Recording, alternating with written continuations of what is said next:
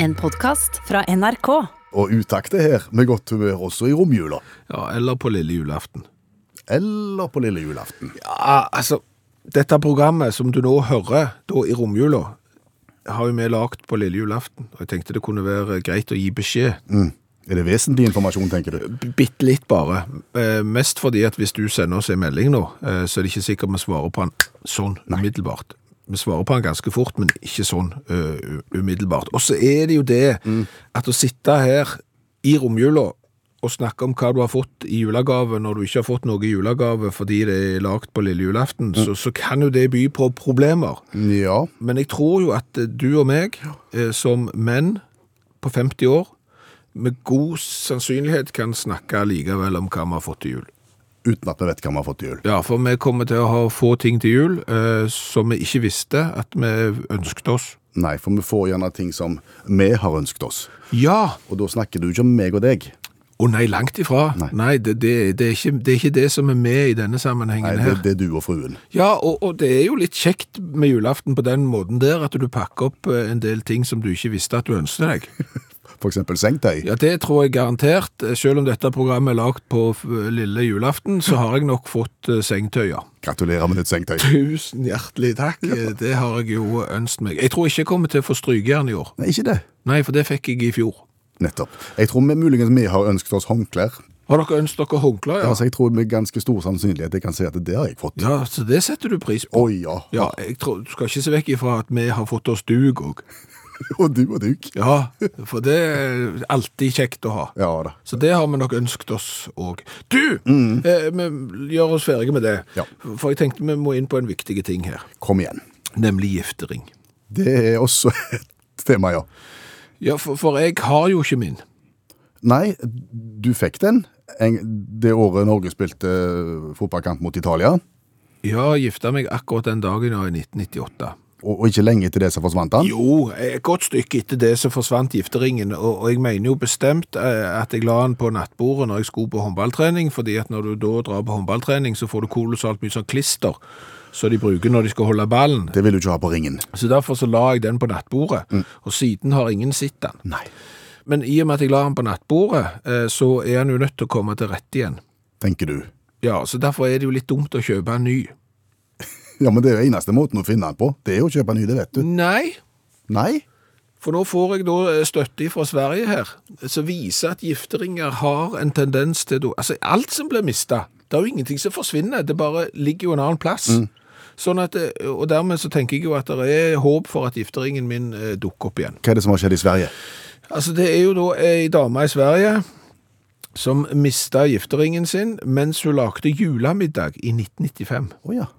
Da forsvant eh, gifteringen. I 95. 95, ja.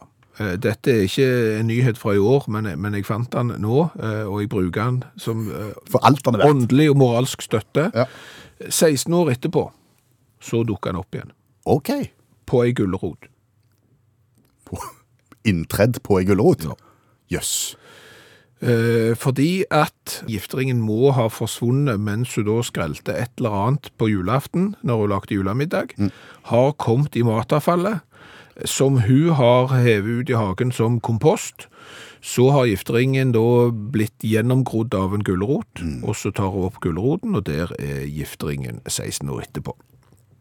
Det er en fin historie. Det er en veldig fin historie, og den støtter jeg meg til. Der er bare et skje- par skjer i sjøen her. Eh, Jeg har ikke grønnsakshage. nei. Og jeg driver ikke med kompostering. Av nattbord. Nei, ikke det heller. Så, så, så da ryker den. Ja, Men når det kan skje i Sverige I Sverige kan alt skje. Det har vist seg.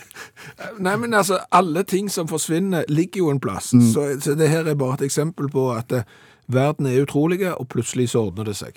Kanskje når vi skriver romjul 2021, så sitter vi her, og så forteller du at den er funnet. Den er funnet. Den er funnet, den er funnet, og så har jeg fått sengetøy det året òg. Ja, og duk.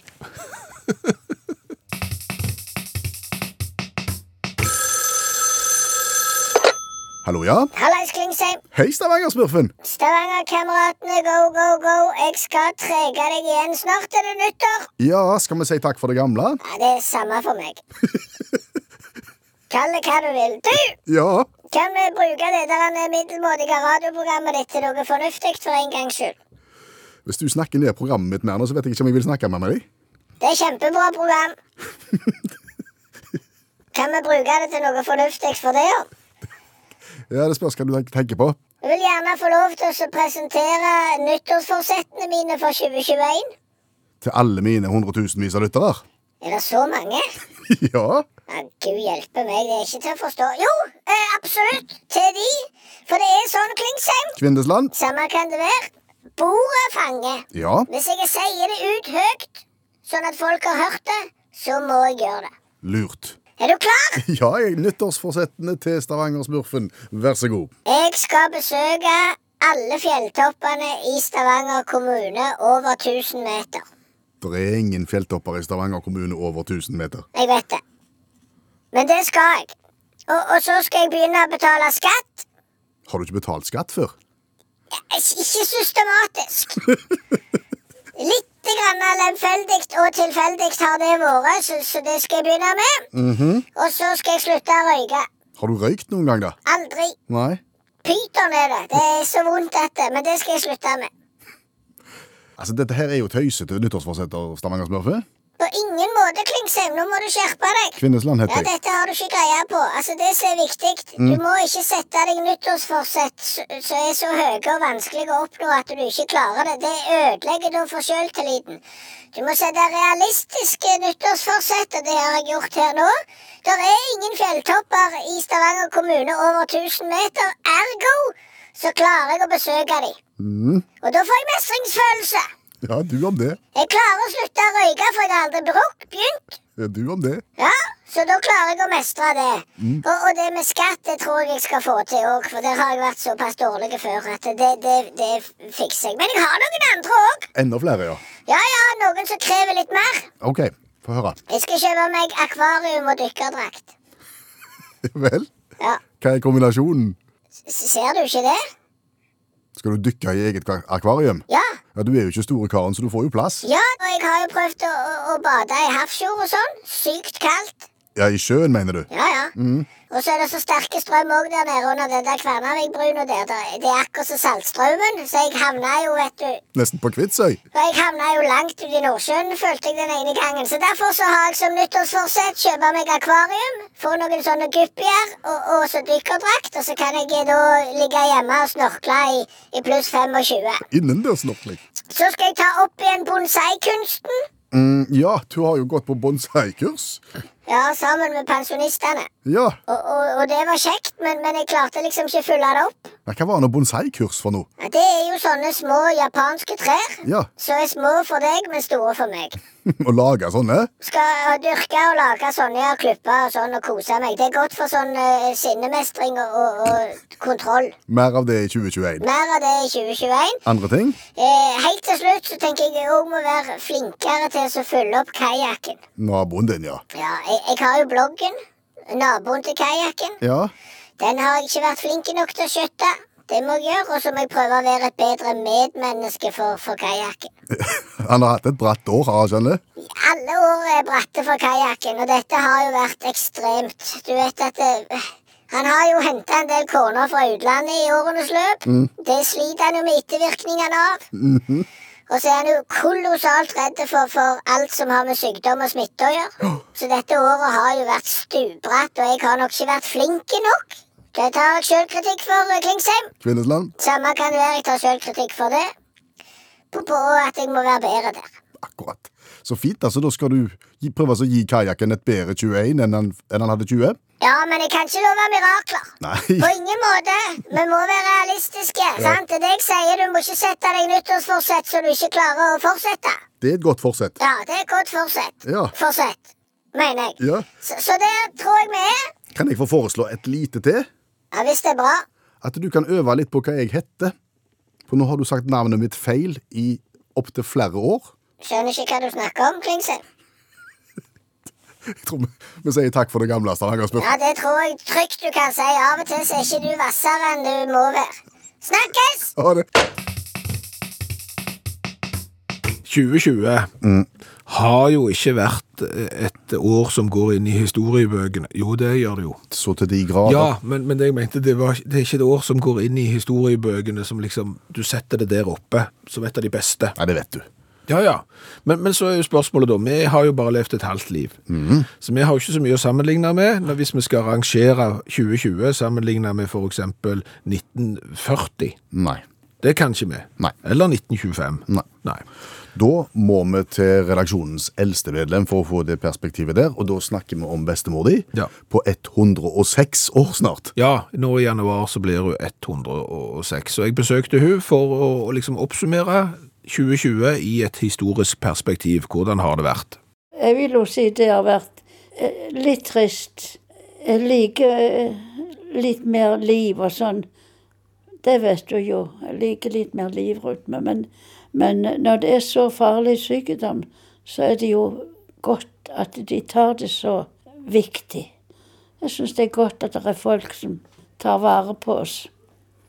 Men de 100 og snart seks åra som du har levd, er dette året sånn sett det tre verste, kanskje? Etter spanskesyken og andre verdenskrig, så er dette på tredjeplass. Det er på tredjeplass, ja. Det- Det er utrolig at jeg har opplevd så mye, vet du. Men nå er det kanskje bare ei uke til, så får du eh, vaksinen for korona. Og da skriver vi 2021. Blir 2021 et bedre år enn 2020? Ja, det, hvis jeg lever til neste år. Men jeg, tr- jeg tror nok jeg kommer til å leve en stund, iallfall. Ja, Det er jo ikke mange ukene til du er 106. Nei, det er ikke det. Det rare er at dagene går fort også. Jeg syns jeg har alltid noe å holde på med. Så jeg er interessert i å følge med i nyheter, og, og det gjør det jo dagene mye lettere. Jeg liker veldig godt å følge med, så jeg ikke sitter som en idiot i de hjørner. Det, det er jeg takknemlig for. Hvis vi spoler tilbake en 80, 90, kanskje 100 år, eh, hvordan var julen da? Julen i, i min barndom, d- den var jo helt annerledes. Det var eh, veldig høytidelig. Men folk nå pynter jo juletreet omtrent eh, siste helg og i, i november. Det gjorde ikke dere. Det var ikke før dagen før julaften. Og da fikk ingen komme inn, av oss barn iallfall. For det skulle, dørene skulle åpnes julaften om morgenen. og Ingenting ble åpnet f før julaften om morgenen. Og det kan du tro var festlig. Da fikk vi lov å gå bort og ta på de julekurvene som jeg hadde vært med og lagd. Og menyen, be- hva, var- hva var dere spiste? Julaften hos oss var det torsk. Eh, Kjøttmiddagen, det var første juledag. Og så var det da det første koldtbordet. Det var første juledag om kvelden. Da var det alt pålegg vi hadde vært med og lagd. Hjemmelaget rullepølse, hjemmelaget persesylter, hjemmelaget leverposteia. Det var hjemmelaget det vi hadde. Så det var jo julestemning lenge før jul. Nå er det jo snart nytt år. Ja. Eh, Hvordan var nyttårsaften for eh, 90-100 år siden? Var det raketter? Det var noen som sendte opp eh, raketter der. Det var et sted. Så folk liksom stilte opp og, i byen og gikk ut på den tiden så de kunne se. Og så hendte det at noen sto Det var noe som, noe som het i min barndom noe som het svabert. De, de lagde Hadde en sånn trestokk, og så tullet de sekker og sånn rundt den eh, ene en- enden. Og så jeg vet ikke om de hadde noe eh, brennbart stoff som de dynket den med. Og så når da klokken ble tolv, så var det enkelte som hadde sånne svaberter, som de kalte det. Som de sto ute og, og svingte i luften. Veldig flott. Og sto ofte folk som hadde lagd sånne selv, og sto når klokken var tolv utenfor husene og svingte på de svabertene. Det var litt annerledes. Ja, Var det kø på polet i romjula da, akkurat sånn som det Det er nå? var ikke pol i den tiden. Og det var ikke pol, nei? Nei, og langt ifra. Da var- Da måtte de reise til Kristiansand hvis de skulle handle. Vi hadde ikke vinmonopol i Mandal før jeg begynte på, på realskolen, tror jeg. Nei, det hadde vi ikke. De måtte skrive til Kristiansand. Og så måtte de stoppe og hente Pakken ble sendt med bussen til Mandal. De forente bilruter. De tok med pol, eh, polvarer også til folk som bestilte i Mandal. Hva håper du nå før eh, 2021? Hva skal 2021 by på? Ja, jeg håper at folk kunne bli litt mer snille mot hverandre. Og ikke bare tenke på seg selv. Lære å ta hensyn til hverandre. Så hadde det vel ikke gjort noe om vi ble kvitt det der koronaviruset, da? Det vil jeg selvføl- var jo en selvfølge, at vi må håpe at noe sånt ikke skal gjenta seg. Aldri trodd at jeg i min alder skulle oppleve noe sånt. Men nå får jo du eh, vaksinen øyeblikk, så det blir vel greit? Ja, det er jo trygt når det er kommet noe sånt. Det var jo ikke noe sånt i førtiden. Hvis det kan forebygge og hjelpe, så er det jo enestående. De har kommet langt i dag, vitenskapen, med sånne ting, så det er jo godt. Så du tar vaksinen, du? Jeg tar alt jeg får som kan hjelpe. Og i jula så er det jo veldig mange av oss som besøker en kjerkegård for å se til ei grav. Det kan være godt med ei stille stund, og så tenner vi gjerne ei gravlykt. Og Det er ganske fint å, å gjøre det òg. Det er òg veldig fint å se når mange, mange gravsteiner bortover har gravlyktene tent, og det mørknes. Veldig spesiell stemning. Det som jeg har observert i det siste på gravplasser, det er at det stadig flere har bilde av avdøde på gravstøtten. Ja! Ja. Det har jeg òg sett. Fast montert på. Ja. Kunne du tenkt deg det? Jeg er ikke sikker, for det, jeg syns det er litt vrient akkurat det. For det som jeg har observert, Ja. det er at de bildene som henger på gravstøttene, gjerne er bilder tatt av avdøde i, i, i godt voksen alder. Altså etter han har blitt gammel. Ja, altså nærmere avslutningen av livet enn begynnelsen. for å si det Absolutt, Sånn, ja, ja. ja. Nei, Jeg har tenkt litt på det samme. Jeg kunne for så vidt godt ha tenkt meg et bilde på gravstøtta mi, men, men det reiser jo en del problemstillinger. Hvilket et bilde skal du ta? Mm. Ja. Skal du ta, som de fleste gjør, et hvor du er gammel? Ja. Eller skal du ta et når du er veldig ung, eller skal du ta et på midten? Eller hva? Skal du finne en periode i livet hvor du var på ditt aller sterkeste? Altså, Jeg tenker jo at hvis det skal være bilde av meg på gravstøtta, så har jo jeg lyst til å være den beste versjonen av meg sjøl. Stemmer. Da har jeg jo ikke lyst til å være gammel og skranten. Nei. Og når var jeg på høyden av meg sjøl? Det, ja, det, da er vi på 80-tallet. Ja, ja, ja, og det var jo du òg. Ja, absolutt. Og, og tenker at hvis du skal ha bilde på gravstøtta di av når du var på høyden av deg sjøl Mm. Ja. Da må jeg nesten velge konfirmasjonsbilde. Eller så bør jeg kanskje ikke velge konfirmasjonsbilde. Kanskje ikke, fordi at konfirmasjonsbildet ditt det henger jo på kontoret vårt. Mm. Eh, og la oss begynne med det. Eh, hva sveis har du der? Den er veldig høy, og så er den kort ved ørene, og så er den lang i nakken. ja. ja. Nei, ikke så moderne. Nei. eh, For å si. Han er ikke tidløs. Ikke på noe vis. Nei. Så har du jo på deg dress. Det har jeg. Hvit dress, Ja. rosa skinnslips, ja. Og, og i brystlommen på den hvite dressen med det rosa skinnslipset der er det rosa, rosa, rosa lommetørkle. Har du et litt sånn et nøytralt, vanlig dressbuksebelte? N- Nei, jeg har et rosa dress, sm- smalt, tynt dressbuksebelte. Ja. Står du i en naturlig positur på dette bildet, liksom sånn lett henslengt versjon av deg sjøl? På ingen måte. Nei.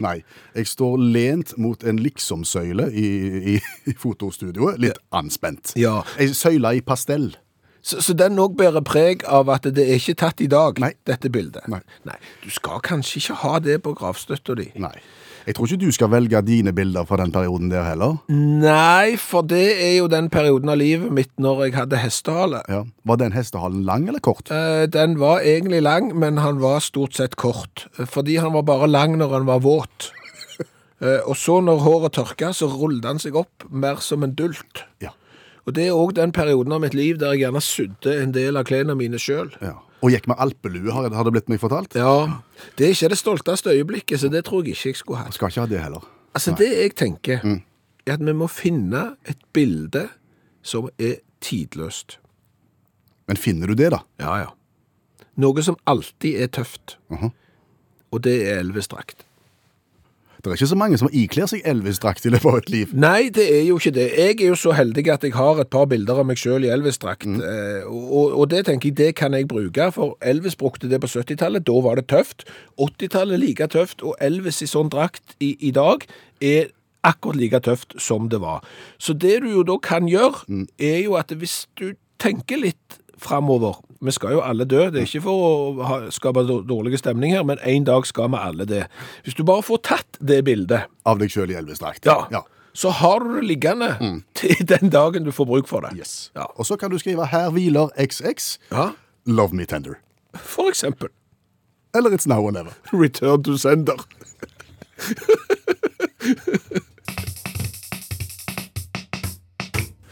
Hvor skjer de fleste ulykker?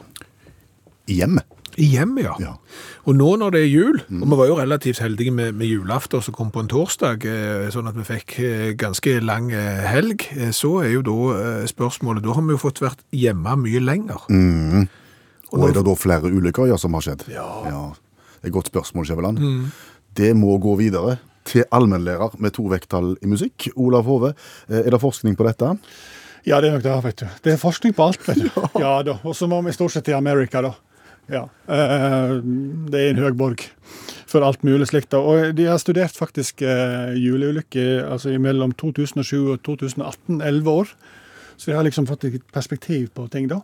Eh, Og gitt ut en rapport som de har kalt for 'Santa Baby Hurry Carefully Down the Chimney Tonight'. Det er jo Kreativ òg, vet du. HMS-versjonen. Så det er bra. Eh, eh, De kan fortelle at det finnes to typer juleulykker. Det er såkalte engangsulykker. Det er sånt som skjer bare én gang, og ikke snakk om at det kan skje andre ganger. Og så er det da sånn som masseulykker, som ikke er så kjekt, da. Men av engangsulykker så nevner de opp en del ting, og det er spennende lesning. I Atlanta var det en mann som satte fyr på juletreet med primus. Og totalskadd en sofa og en gyngehest. Det er jo sånn, det er, sjansen er liten for at det skjer på nytt. da. Men, men hvorfor primus eh, Ja, inne med ja, juletreet? godt spørsmål. Det står ingenting om det. Det er forskningsrapporter. da. Vi har sett fyr på det med primus. Så det er noe så. Winnipeg, mann angrep på ekorn som hadde fulgt med treet inn. Skjer bare en gang, det òg. Ja, skjer bare en gang sånn. Men, men det, det står jo poenget at alle tunge advarsler innenfor juleindustrien blir oversett, stort sett. da, Og det er jo selvfølgelig ei gruppe jeg skal komme tilbake til det. da. Men, men, men å se på sånn masseulykker, da, så er det 240 626 ulykker i forbindelse med slede- og kanefart. Der 16 000 er innendørs. Jeg kan jo skjønne de der utendørs, for det er jo gjerne det med juleakevitt og all slags innabords. og- Ja. Og sentrifugalkraft. ja, ja, og trapper og sånne ting. da. Ja, eh, em, 277 ulykker eh, i løpet av de ti årene med barn i interaksjon med mann som later som han er julenissen. Jeg lurer på hvorfor de skriver 'later som han er julenissen', men det gjør de i hvert fall. Eh, 55 av de handler om detting ned av fang. Ehm, ja. Så sier de at eh, når det er ei- innenfor ei gruppe der, det er, mm, der middelaldrende menn er overrepresentert, det er de såkalte spektakulære. Eh, og det handler om fall fra tak når montering av julelys. Det handler om fall fra tak ved festing av tre i skorstein. Det handler om avansert seriekobling og, og bruk av ikke-adekvat redskap. og, og blir anført det kolossale mørketall. Og mørketall er alltid store, det fins ikke små. Så det, Nei, nei, nei. nei, nei, nei. Og så kan jeg se på, Hvis jeg går til England, da, så kan jeg se på bare statistikken fra i fjor. Så Hvis du trenger litt trøst så kan du tenke, og har hatt det litt dårlig jul, så kan du tenke på at i fjor i England var det fire bråtne armer i, forfe- i smellbongbong-ulykke. Noe så imponerende. tenkte jeg den. Ikke nok med at du får en dårlig vits, du knekker armen. Nei, nei, det er totalt meningsløst. Seks sykehus rapporterte om tungeskader i forbindelse med 9, 9 volt batteritesting. Fem, og her kjenner jeg meg at det er 57 stykker innlagt for å bruke kniv istedenfor skrutrekker. 140 på legevakt for ikke å ha fjerna nålene fra de nye skjortene sine.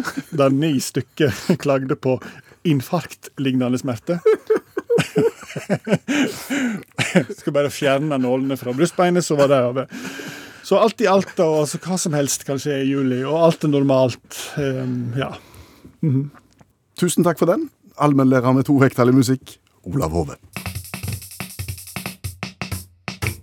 Du, Ja. apropos ulykker som skjer i julen, Som vi nettopp snakket om. ja, s- så kan vi vel ta med en ulykke som skjedde litt før jul. Det, det, det, det er så, så- såpass kan, så rause kan vi være. Ja, 28. september. Da er det ikke juleulykke. Nei, da er det et rekordtidlig juleulykke i så fall. Eh, Ja vel. Men vi skal tilbake til året 1567 òg. En pre-juleulykke i 1567 der, altså. Ja, for jeg, jeg kom over den historien, og jeg syns det var så oppsiktsvekkende at jeg har liksom ikke klart å be- helt befri meg fra den. Hva var det som skjedde på 1500-tallet? Da var det en som døde. Ja, det var det mange som gjorde. Jo, men Hans eh, Steininger, eh, han eh, endte sitt liv da, eh, snaut 60 år gammel. Han var jo da eh, ordfører i eh, Braunau am Inn. Veldig populær ordfører òg, eh, visstnok, for han var gjenvalgt seks ganger. Oi. Det han var mest eh, kjent for da, det var at han hadde kolossalt lange kinnskjegg. Det jeg klarer nesten ikke å si det engang. Nei. S- Kinnskjegg. Kinnskjegg, ja. Du skal ikke ha kino- og, og kjø- kjøttkakeproblemer hvis du skal si kinnskjegg. Men de var jo da tre og en halv alen lange, Hvor mye er det? cirka to meter. Nei! Jo, jo. Altså Henrik Ibsen, og så, og så lører du på med, Med noen alen til. med, med Ja, hjelp oss. Ja, ja. Eh, Så, så de, var, de var lange. Ja, trødde han i de? Nå er du inne på det. Huff a meg. Jo, men altså, normalt sett så trådde han ikke på de, fordi at eh, han, han gikk med de i lommen.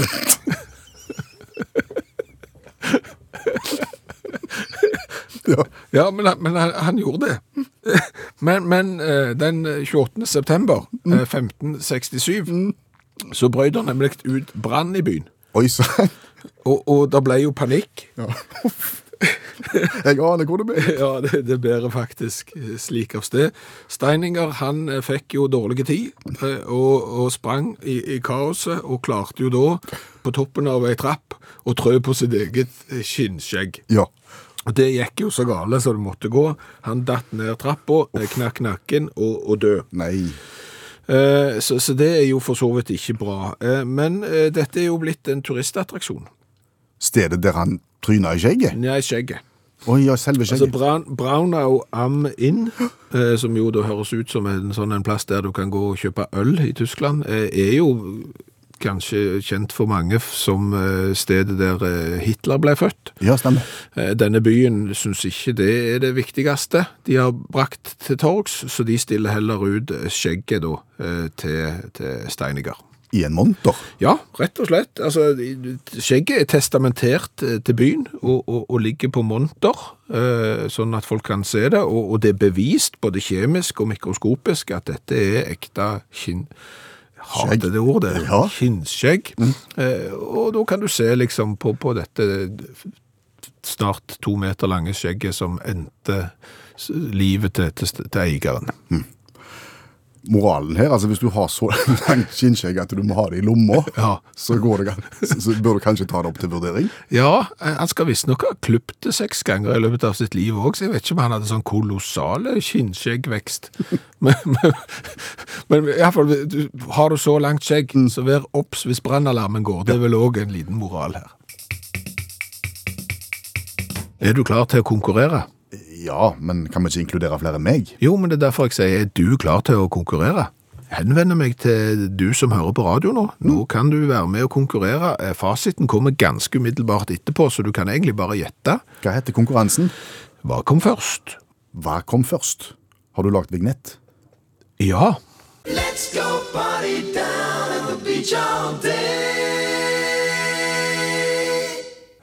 Det er den samme vignetten hver gang, og den er helt irrelevant i forhold til temaet. Ja, men det er det som er poenget. Eh, Konkurransen varierer så enormt mye i innhold at å lage én til hver konkurranse vil være nesten umulig, så derfor har jeg lagd en vignett som ikke passer til noe. Lurt. Vi spiller Hva kom først? Ja, og, og da tenkte jeg det første oppgaven kunne være Hva kom først? Trillekofferten eller månelandingen? Månelandingen. Det er rett. 1969. Mm. Men det er jo ganske oppsiktsvekkende at trillekofferten ikke var på plass eh, 20. juli 1969, når eh, menneskeheten plasserte første mannen på månen. Når kom trillekofferten? Den kom eh, år etterpå, i 1970. Bernard Sadow han søkte da om patent eh, på eh, trillekofferten, og fikk innvilga patent i, i 1972 som rolling luggage. Så i 1970 kom Kvindesland, Skjæveland og trillekofferten. Ja, Det er nok å ta med seg. Ja. Men du, eh, når jeg først er så opptatt av trillekoffert, Ja. er du klar for neste? Hva kom først? Kom an. Tohjuls trillekoffert. Nei. Jo, jo jeg, jeg, det ble litt fokus på det nå. Men eh, hva kom først? Tohjuls trillekoffert med utrekkbart håndtak, eller Phil Collins sitt første soloalbum Face Value? Tro, eh, Tohjulstrillekofferten med uttrekkbart håndtak. Nei.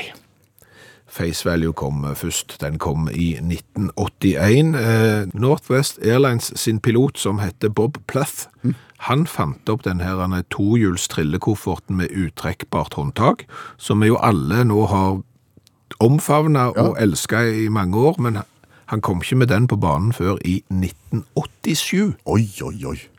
Kan du tenke deg hva vi har gått Husker du ikke trillekoffertene når vi gikk rundt med sånn en liten sånn et En sånn hempa Ja, rundt håndleddet, og fire hjul som gikk hver sin vei. Ja. Og han velta hele tida. og, og, og den ble oppfunnet i Den opprinnelige? Ja. Nei, nei, 1970. 1970, ja. Og Og det- hjelper, gikk det 17 år? Ja, det gikk 17 år før noen fant ut at det der er jo tidenes dummeste idé. Det holder med to hjul og et håndtak som er stivt, så du kan trekke ut. Det er galt. Ja.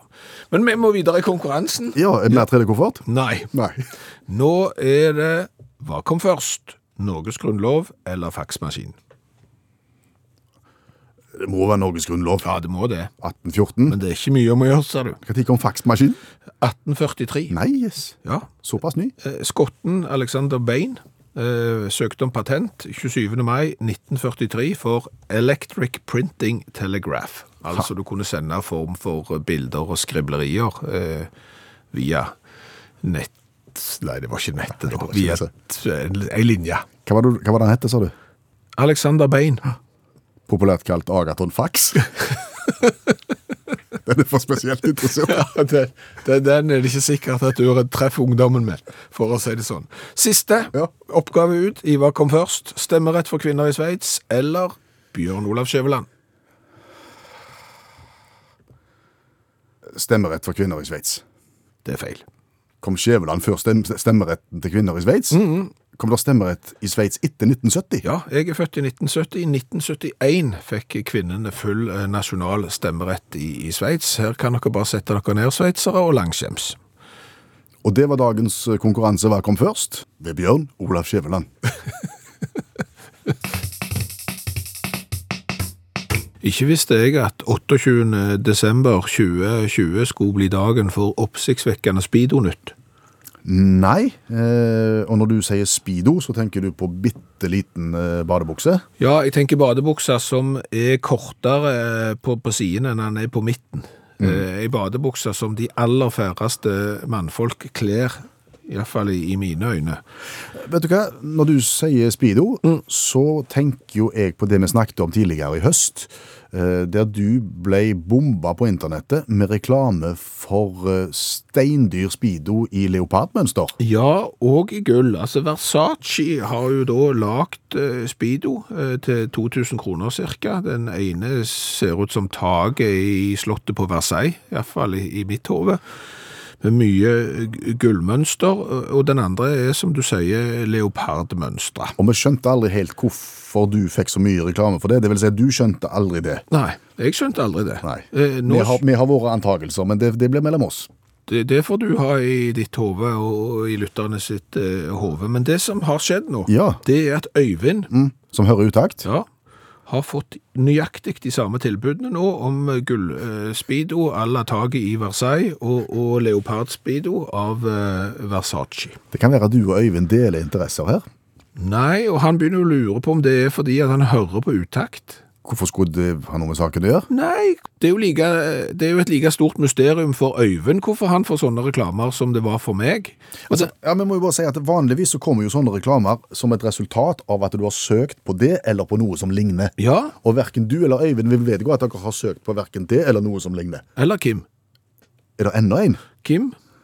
Opplever det samme? Ja, han har bare fått eh, leopardversjonen. Han har ikke fått den der gullversjonen, så han har bare fått én av de. Bare et tidsspørsmål. Og, og, og begge lurer jo på om det da kan være som en følge av at du da hører utakt, og gjerne da på podkast. Er det noe her som, som fanger opp dette, siden vi har snakket om gullspeedo og leopardspeedo eh, på radioen? Og Kim lurer jo på om det tryggeste nå for å unngå dette, blir å høre på podkast i en bunker uten dekning. Det kan jo være et forsøk, iallfall. Ja, kanskje. Eh, Men det som Jeg klarer ikke å la være å lese. Unnskyld. Eh, Men, men i denne tråden som eh, ligger på Facebook-gruppa til Utakt, der vi diskuterer hvorfor får vi reklame for gullspeedoer og sånn, Ja. der har jo Bjarne Alexander eh, lagt ut hva han blir eksponert for eh, på internettet akkurat nå. Gullspeedo der òg? Nei! Nei. Kastrasjonstang i rustfritt stål. I all verden har Bjarne Alexander søkt på. Ja, en en sånn gjelletang. Altså rett og slett for å, å klippe av testiklene på, på dyr som har de på utsida. Og han driver ikke med den slags i, i, som profesjon? Det driver han overhodet ikke med. Du kan si Bjarne driver med mye rart, men, men, men så vidt meg bekjent ingenting i den retningen der, og han er litt overraska sjøl, men, men det, det får jo gullspeedoene til å, å bleikne. Internettets veier er uransakelige, som det står i skriften.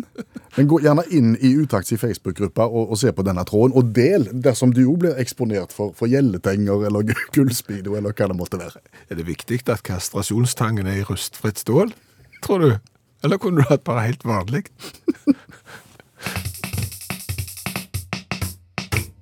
Og så snakket vi om for tre-fire minutter siden det å så bli eksponert for reklame på internettet for produkter som du i utgangspunktet ikke har søkt på eller er interessert i, enten det gjelder gullspeedo, eh, leopardspeedo eller eh, kastrasjonsgjeldetang i rustfritt stål. Og vår faste utaktgjest, eh, allmennlærer med to vekttall i musikk, eh, Olav Hove, han har òg vært ute på internett, gjort sine søk og blitt da eksponert for produkt etterpå. Fortell om dette, Hove. Ja, jeg har en, eh, jeg har en opprivende historie om det. Jeg, eh, en gang i året så pleier jeg å gjøre en jobb for de nynorske festspillene. Der en jo- eller har en, eh, en slags forestilling om musikk med nynorsk tekst. Ja. Der er det en del sære ting. Eh, eh, og der eh, må du ofte gjøre en del Google-søk, eh, fordi du skal introdusere emner og slike ting. Og eh, et av årene, det snakka vi om 2017, så var vi kommet inn på prog-rock fra DDR, som var et tema. Altså progressiv, det er litt sånn lang Genesis-aktig musikk som varer i 12-14 minutter, og som du hadde sitt opphav i gamle Øst-Tyskland. Ja, DDR, ja. Ja. Ikke mye fint, skal jeg love dere, men iallfall så, så eh, hadde jeg litt lite info og fø- følte at jeg måtte, måtte google det. For, og det her handler om singler, da, altså singelplater. Ja. For det handler litt om at de var visst sterke på design og sli- slike ting i DDR. Det var ikke mye de var sterke på, men eh, design og singelplater var de gode på. Og da søkte jeg på eh, Eastern European Singles. Ja, Eastern Euro øst østeuropeiske singelplater, tenkte du. Ikke gjør det. Nei. Nei, for da får du ikke en døyt om østeuropeiske singelplater.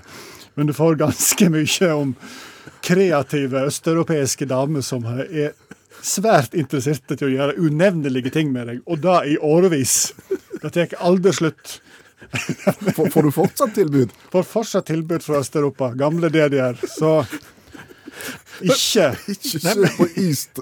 Eastern European Singles. Det må du. Nei. Men, men er det lov å så lure litt på hvorfor du leter etter østeuropeiske progrockere som har gitt ut singler i gamle DDR når du jobber med nynorsk festspill? Ich weiß nicht. Det er et godt spørsmål, Skjæveland, men jeg er ikke helt sikker, altså. Men takk for det, allmennlærer med to vekttall i musikk, Olav Hove. Dette er utakt i NRK P1, og nå skal vi mimre bitte litt. Ja, vi skal det, fordi at for noen år siden så begynte vi å spise en del gammel mat. Ja, Hva mener du med det, egentlig? Nei, vi har jo smakt på rare ting i dette radioprogrammet i over ti år, eh, men så gjorde vi da eh, et forsøk sammen med forbrukerinspektørene på TV, eh, der vi smakte på virkelig gammel mat som folk hadde sendt inn til oss. Ja, Vi ba om å få tilsendt litt. Eh, Vi fikk enormt mye gammel skitt. Og, og mye av det smakte helt greit, noe av det var ikke all verden. Det er vel å pakke det fint inn, ja. Men blant godbitene den gang, noe flytende som passer best til jul. Ja, for Johannes eh, Sandal, han eh, har en far, eh, hadde en far, eh, som jobbet på Hansa bryggeri i eh, Bergen. Det betyr at eh, far til Johannes eh, tok med seg eksklusive flasker eh, hjem og hadde sin egen eh, samling som ble eh, stående. Johannes har vært og nappt litt i den samlingen der, eh, og sendt oss noen eksempler som vi kunne teste og, og, og finne ut hvordan smaken av dette når det er så gammelt.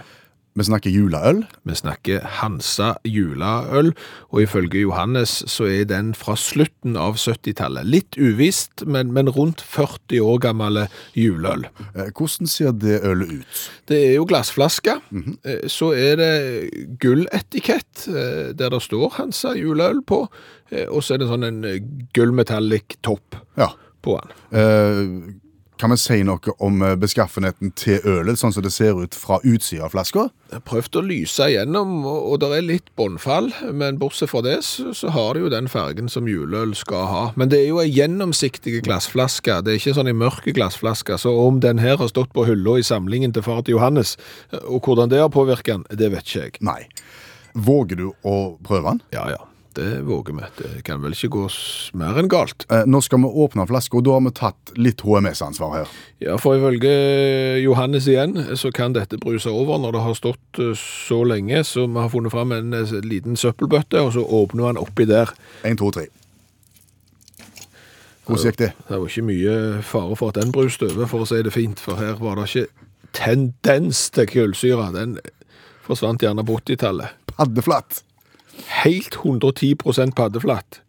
Den skummer ikke, den bruser ikke, den er ingenting. Og Si- fy off, inn i hekken som lukta. Oi sann. Kan du beskrive lukta for oss?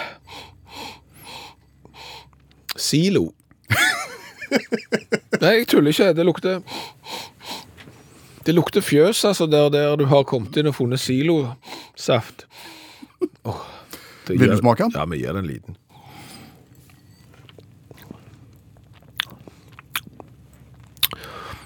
Det var ikke noe, var ikke noe fest. Nei. Nei. Men eh, silo? Smaker det silo? Hvorfor slutter du å snakke nå? Nei, jeg vet ikke. Jeg, jeg sitter og kjenner på den ettersmaken som, som er ytterst eh, spesiell. Jeg kan vel bare si det at her har du juleøl som har stått på ei sånn pyntehylle siden eh, 70-tallet, så er det ingen vits i å åpne den og drikke den. Det var kjempevondt, og, og det lukta enda verre. Jeg tror vi må ut og drikke noe vann, eller noe annet. Men tusen takk til Johannes. Ja! Og nå skal vi bevege oss langt. Mhm, Hvor langt? Eh, Helt ned til det indiske hav, eh, borti der med Australia og de. Vi lukker øynene og flyr av gårde og lander på Ja, du trenger ikke det. Iallfall ikke hvis du er ute og kjører bil nå, da blir det bare dumt. Men du lander på Christmas Island. For Christmas Island. Ja. Hva tid tror du den ble opptatt? Det aner jeg ikke. Å å ja, du mener sånn, Akkurat sånn, ja. Ja. Jeg trodde du mente årstall. Nei, for det var 1643. Mm. Christmas Island ble nok oppdaget i jula, ja. Derav navnet. 25. desember eh, 1643 ble denne eh, øya oppdaget, Ja. og, og fikk da navn etter oppdagelsesdagen. Eh, Påskeøya, hva tid tror du den ble oppdaget? Ingen anelse. Jo, selvfølgelig. Det var påsken. Første påskedag, 5. april eh, 1722. Hvorfor sier vi Christmas Island, men vi sier Påskeøya, forresten? Sier ikke juleøya? Nei, nei, men det, hvis jeg ser på norsk sånn internett, så står det Christmasøya, eh, ligger i det indiske hav. Altså, vi kaller den for Christmas, selv om vi da kunne oversatt den til juleøya, mens Easter Island, den sier vi Påskeøya for. Merkelig. Nei, nei, men det sklei ut. Det som var ideen her da, det er jo at du navngir ting som du oppdager etter hva tid du oppdagte det. Skjønner det. Og, og her mener jeg det er et uutnyttet potensiale. Eh, Med tanke på nye oppdagelser av ting. Ja, eh, det er klart det er jo en utfordring at vi kanskje ikke oppdager så mye nytt, i hvert fall sånn landområder. Tror det meste er funnet nå. Ja, eh, det er det nok. Eh, Men, men det hender jo fra tid til annen, selv om det heller ikke er så ofte at ting oppstår. Ja, det er jo sånne vulkanøyer som brått oppstår. Ja, eh, og, og hvis du da tenker Christmas Island og, og Påskeøya, så er det jo da potensielle land som bør høre godt etter på, på radio akkurat nå. For eksempel Hawaii, der kan det jo dukke opp ting. Island kan det jo dukke opp ting, og, og sikkert andre plasser òg. Eh, kanskje de da skal navngi disse nye tingene som- som kommer opp av havet, etter den dagen de kommer opp av havet.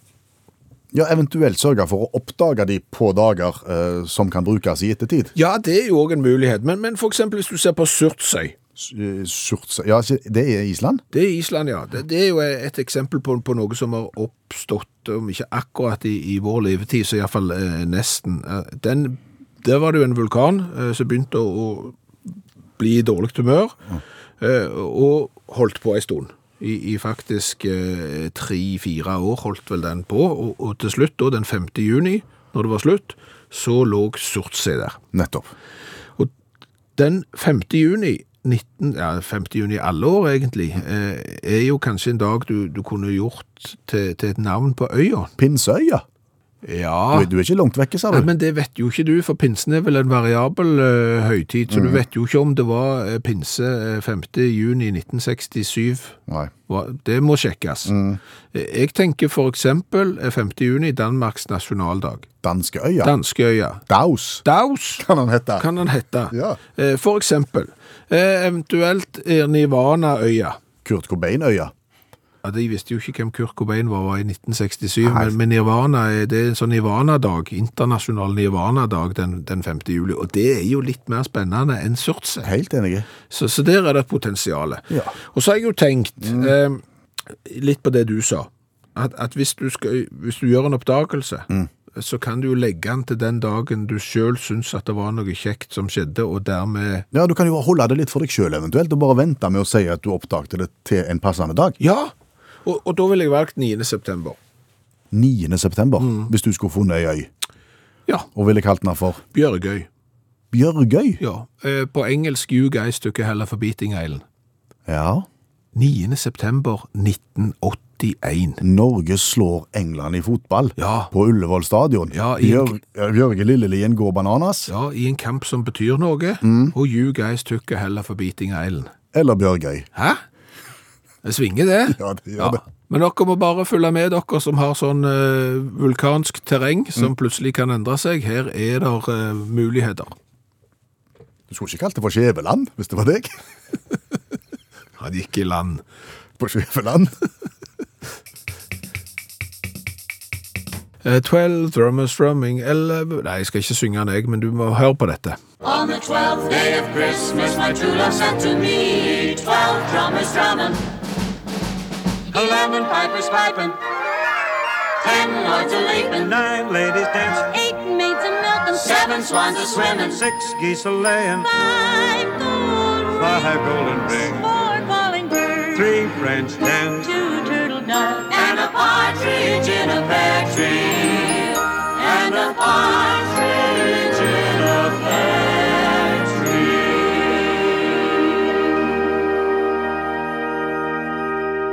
Det er den sangen som dukker opp hver eneste jul med, med eh, eh, 12 Days of Christmas, alt det du skal kjøpe osv. Ja, altså det er jo en sang som bygger på seg. Det er litt som sånn oppe på hylla så sto der eh, Hva var det der? Øl i et eller annet. Nei, Hva var den sangen? Jeg har aldri hørt. Å nei. nei jeg, jeg, jeg, Gubben og gamla, vil jeg si. ja, litt sånn gubbene gamle og sånn. Ja, men det er noe kjøkken, det er noe hylle og noe øl òg. Men, men jeg, det har jeg glemt ut. Men det er, sånn, det er en sang som, som bygger på seg, og for hvert vers så får du liksom ei linje til, og det baller på seg. Og så har det vært gøy da i alle år å funne ut hva denne her eh, jula egentlig da koster, hvis du skal kjøpe alt dette her som står i sangen. Det er det som er poenget her, Mm. nemlig et firma som kaller seg for PNC, har i 37 år brukt denne 12 Days of Christmas-sangen som en prisindeks. Å.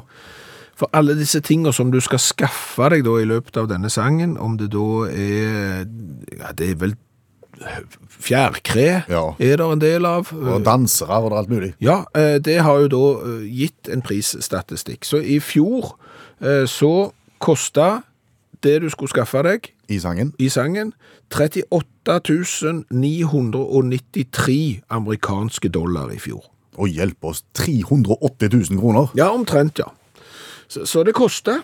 Det er ikke bare å skaffe seg eh, sekkepipeblåsere og, og fjærkre. Nei, men Det var i fjor, altså. Det er i fjor, ja. Er det kommet indeks for året? Ja, og den er bekymringsfull. Ja vel. Ja, fordi at den indeksen der er jo halvert. Den går ned. Ja, 16 000 dollar nå i år, og egentlig så er det vel feil å si at indeksen har blitt halvert òg, for indeksen er nesten ikke mulig å oppfylle. Snakker vi korona her? Det er det vi gjør. For det er sånn at når firmaet PNC nå har satt seg ned for å, å prissette alle disse franske hønene, gullringer og gjess og alt som skal være med i sangen, så har de ikke klart å få tak i dansende damer. Eh, sekkepipeblåsende folk. Er det rett og slett for kohortene vil bli for store? Nei, det er rett og slett fordi at dette er jo da ei yrkesgruppe som ikke, ikke kan gå ut og opptre. Eh, og og, og trommeslagere og alt har jo ikke hatt oppdrag Nei. og, og kan ikke dra ut og opptre. Så dermed så er jo nesten halve sangen her radert ut. Du skal vel ikke ha fjærkre heller? Nei, men det vet jeg ikke om de har fått med seg i USA, for jeg vet ikke om de er utsatte for det samme som vi er her i Norge og Europa, for vi har jo fått eh, fugleinfluensa i tillegg nå på, på toppen, og det er klart at det ryker der kanskje en og annen due og en og annen fransk eh, høne. Eh, Vi vet jo det på en lokale sånn en fuglepark her, så tok de jo livet av eh, fasaner og hunds og alt som var, så, så egentlig så er jo nesten hele eh, sangen radert ut. Det er jo et unntaksår. Ja, Så, så, så at prisen er halvert Vi får jo håpe da at prisen kommer opp igjen på et akseptabelt nivå neste år. Vi får eh, satse på det at eh, statistikken er tilbake igjen på normalt. Og da, Skjæveland, for siste gang i året 2020 må jeg spørre deg hva har vi lært i kveld? Mye. I kveld òg. Vi har jo lært det at eh, ting forsvinner jo ikke. Altså Selv om du mister det, så forsvinner det ikke. Det bare ligger en annen plass. Gifteringer, for eksempel. For eksempel gifteringen som forsvant eh, julen 95 i, i Sverige, og som dukte opp igjen 16 år etterpå, tredd på ei gulrot. Eh, sannsynligvis fordi at når vedkommende lagde julemiddag, skrelde et eller annet, gifteringen havna i komposten, komposten havna over gulrøttene, og gulrøttene begynte å vokse, og vips, så hadde en vokst gjennom eh, gullringen. Og det betyr at det er håp for din forsvunne gullring også. Det er det vi satser på. Så har vi jo lært det at eh, året 2020 i et eh, stusslighetsperspektiv eh, kanskje kommer på tredjeplass. Ja, redaksjonens eldste medlem, bestemor di Eva Ryen på 106, har rangert, Ja. og har to år som er verre. ja, altså to perioder. Du kan si spanskesyken eh, rundt eh, 1920, stusslige tid. Mm. Eh, så har du jo 1940 til 1945, Ikke minst. kolossalt stusslige tid. Og så har du 2020 da, eh, som har vært en ganske stusslige tid den òg, og kanskje da går inn på eh, en tredjeplass. Ifølge hun på 106. Ja, eh, så har vi jo lært det at har du langt eh, skinnskjegg Ja. og, og brannalarmen går, så skal du være veldig forsiktig når men- du springer ned trappa. Ja, for her snakker vi da om skjegg som er over meteren langt, for det kan du fort snofle i. To meter langt eh, skinnskjegg eh, gjorde jo at Steineger, eh, når det begynte å brenne i byen på 1500-tallet, i vannvare glemte å stappe skinnskjegg i lommen, eh, snufla i det og datt ned i trapp og knakk eh, nakken og død. Men det har nå blitt en turistattraksjon i byen han kom fra, eh, Ja. der er skjegget i monter. Der er skjegg i monter, det er òg den samme byen der Hitler ble født, og de velger å fokusere på skjegget. Eh, Så har vi jo lært det at det er flere enn meg som nå får tilbud om eh, gullspeedo og leopardspido eh, på internettet, såkalte cookies. Yes. Og de som har blitt eksponert for det, eh, skjønner det like lite som meg. Mm, Han skjønner heller ikke han som har blitt eksponert for eh, eh, kastraksjon... Hva var det for noe? Det er kastraksjons... Kastra... Kastra... ka- Kastreringstang, Ja. som vi sier, i rustfritt stål. Det har han heller ikke søkt på. Har vi lært noe mer? Ja, vi har jo lært Nei, vi vi har ikke lært det. Det blir et spørsmål som blir hengende i lufta. Eh, Vi nordmenn oversetter Easter Island til Påskeøya. Eh, Christmas Island oversetter vi ikke. Nei. Hva da for ikke? Nei, jeg vet ikke. Men, men la det spørsmålet henge ut i lufta. Og med det, kjære deg som hører på Utakt, så sier vi tusen takk for det gamle, og så høres vi igjen på nyåret. Ja, for vi må ikke si godt nyttår nå før det har blitt nyttår, for det skal vi si etterpå. Og hvis vi sier det før nå, så blir folk galne, og så får vi beskjed. Ja. Da sier vi takk for det gamle, ja. Og godt nyttår! Du har hørt en podkast fra NRK. Hør flere podkaster og din NRK-kanal i appen NRK Radio.